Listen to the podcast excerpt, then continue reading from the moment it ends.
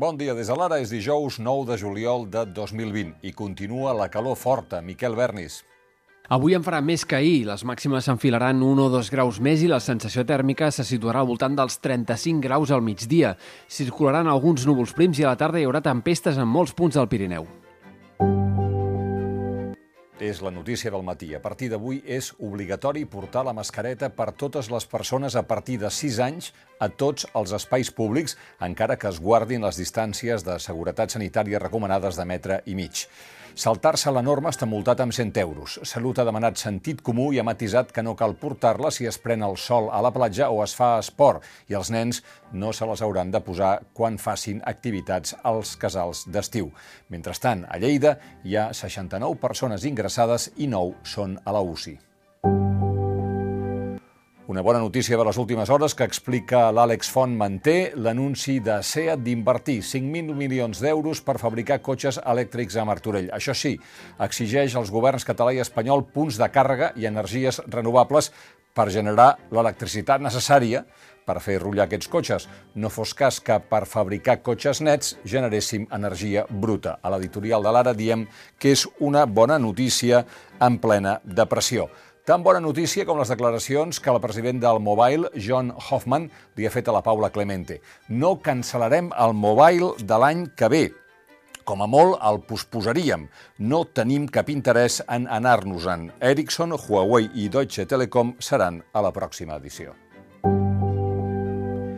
Pedro Sánchez va fer la declaració més dura contra el rei Joan Carles que recorda de cap president espanyol.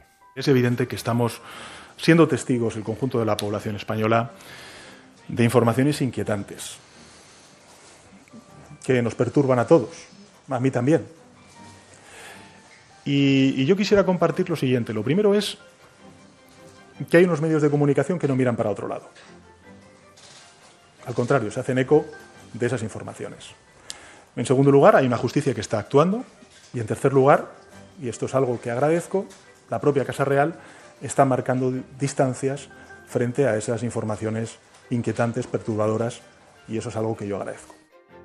Des de Madrid, la Mariona Ferrer Fornells diu que la Moncloa està obstinada a fer de tallafocs entre Joan Carles I i Felip VI arran de les investigacions eh, sobre la mèrit a la Fiscalia del Tribunal Suprem.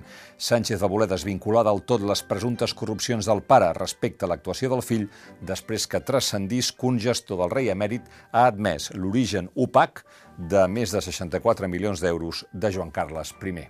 Bé, i de la taula de diàleg què? Doncs a la taula de diàleg en van discutir ahir, obertament, al Parlament, els socis de govern. Creiem que és vostè, president, qui ha de liderar-ho. Al costat del vicepresident aragonès. Posem data i obliguem l'Estat a moure fitxa. Té el poder per fer-ho i sabem que té un compromís ferm amb aquesta taula de, de negociació. No els regalem la bandera del diàleg. Exercici del dret a l'autodeterminació i amnistia. I aquestes són l'objecte de la negociació, les condicions en les que s'ha d'exercir un referèndum a Catalunya. Data i condicions pel referèndum a Catalunya. És molt fàcil. Mentrestant, el PDeCAT estudia accions per assegurar-se la marca de Junts per Catalunya. Explica la Núria Oriols que després de tenir coneixement del moviment de l'expresident Carles Puigdemont per quedar-se Junts per Cat, tal com avançava ahir l'ara, el PDeCAT estudia la situació amb els seus advocats. Fons de la informació expliquen que els serveis jurídics estan mirant en quin punt es troba Junts per Cat al registre de partits i també si s'han d'emprendre accions legals als jutjats.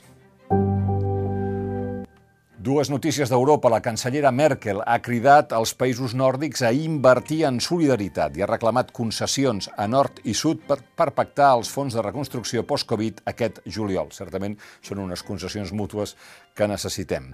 I la parella d'un ciutadà o resident legal de la Unió Europea que tingui una relació duradora i acreditada hauria d'estar exempta de les restriccions de viatge. Atenció perquè internautes de tot el món han començat a les xarxes socials a enviar missatges sobre l'enyorança per retrobar la parella i la comissària d'Interior de la Unió Europea ha proposat ampliar el concepte de parella més enllà del registre civil de manera que l'amor sigui motiu essencial per viatjar a la Unió Europea. Els esports, el Barça va enviar aritmèticament l'Espanyol a segona divisió ahir a la nit. Els Blaugrana van guanyar per 1-0, gol de Suárez a la segona part, en un partit molt competitiu dels Pericos que hauria pogut acabar ben bé amb empat a un perquè els de Rufete van tenir les seves ocasions. El equipo, ¿me veis? Está, está, está muy jodido, es normal. Eh, es una situación que, que, nadie quiere vivir, pero bueno, eh, ya les he dicho que, que nos quedan tres partidos, que hay que seguir creciendo y, y, que lo que han hecho hoy es el ejemplo de lo que queremos ser. No, tampoco hay mucho más misterio. A partir de ahí reflexionar muchas cosas, pero yo estoy orgulloso del equipo de hoy, de hoy. Hablo de hoy. L'Espanyol baixa a segona 27 anys després de la darrera vegada. És el cinquè descens de la seva història. Mentrestant, el Barça queda a un punt del Madrid que jugarà demà a casa a les 10 de la nit contra l'Alavés. I acabem amb un parell de recomanacions. Aquesta crònica de Jordi Montbrú sobre l'enderrocament definitiu del Club Riviera, un macroprostíbul que hi havia a l'autovia de Castelldefels, estava tancat des de l'any 2009 i que ara, 11 anys després, va per fi a terra. Si aquests matalassos parlessin, es titula la crònica. I aquesta pàgina del suplement d'estiu, Canelons d'estiu, el repte gastronòmic que explica la Trinitat Gilbert d'embolicar alguna cosa que no faci calor de menjar. Fins aquí les claus del dia. Tornem després amb l'anàlisi de l'actualitat.